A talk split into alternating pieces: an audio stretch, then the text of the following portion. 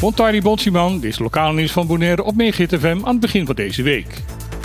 Ik ben Martijn Hirschmuller en dit zijn de onderwerpen uit het nieuwsaanbod van de afgelopen dagen die opvielen. Een indrukwekkende manifestatie. Daar zijn alle deelnemers en de aanwezige media wel over eens. Afgelopen vrijdag werd er vreedzaam geprotesteerd tegen de lakse houding van de regering in Den Haag over het oplossen van de armoede op de Berseilanden. Het was de grootste protestactie die ooit op Bonaire heeft plaatsgevonden. Al 13 jaar geleden werd er geconstateerd dat de armoede in het Caribisch gedeelte van Nederland onaanvaardbaar is. Desondanks begint de Nederlandse overheid pas de laatste tijd daar wat aan te doen. Te langzaam en te weinig, dat is het oordeel van vrijwel de gehele Bonaireaanse bevolking.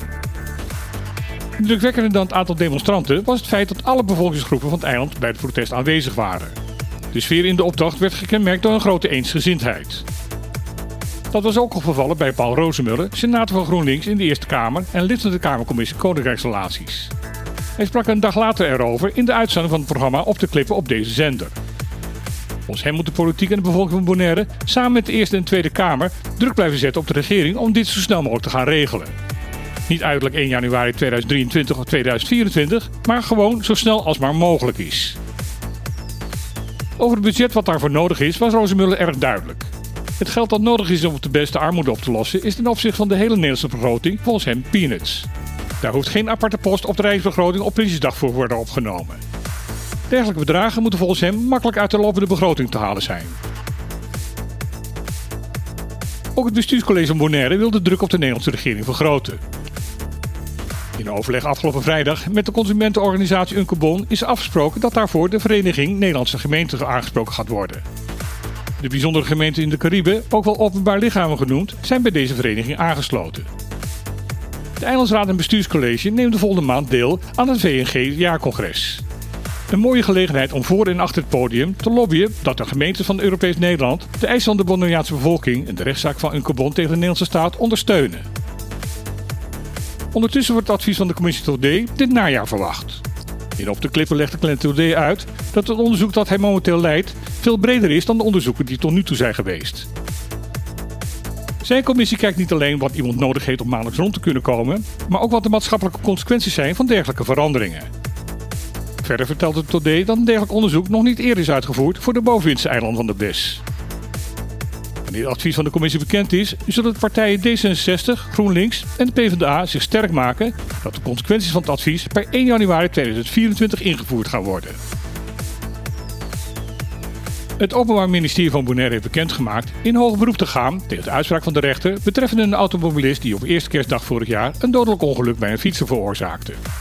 Het OM betitelt de straf die de automobilist kreeg opgelegd als te licht. De praktijk leert dat het lange tijd kan duren voordat een beroepszaak ook echt in behandeling wordt genomen. Daardoor kan het gebeuren dat de automobilist eerder vrijkomt dan dat er een uitspraak is in hoog beroep. Mocht daarna alsnog een hogere straf worden opgelegd, zal de dader wederom een periode de gevangenis in moeten. Dat het gevaarlijk is op Bonaire als fietser deel te nemen aan het verkeer bleek gisteravond. Om half zeven kreeg de politie een melding dat er een jonge fietser was aangereden. Het slachtoffer moest per ambulance naar het ziekenhuis worden gebracht. De toestand van de gewonde fietser wordt momenteel stabiel genoemd. Wie de komende weken voor de kust van Bonaire een blauwe tent op het water ziet drijven bij Oilerslick liep, wordt dringend verzocht deze te mijden en met rust te laten. Het gaat hier namelijk om een zogenaamde koraallarvenkwekerij. In de tent die zich zowel boven als onder water bevindt, leven een groot aantal koraallarven. Het is bedoeld dat deze zich aan stervormige keramische elementen gaan hechten. Wanneer dat gelukt is, kunnen deze elementen weer worden bevestigd aan al bestaand koraal en daar verder groeien. Het project wordt uitgevoerd door de Reef Renewal Foundation Bonaire. De larven zijn microscopisch klein en uitermate kwetsbaar. Daarom verzoekt de foundation om zoveel mogelijk verstoring te voorkomen, er niet naartoe te gaan en bij het voorbijvaren de snelheid sterk te verminderen.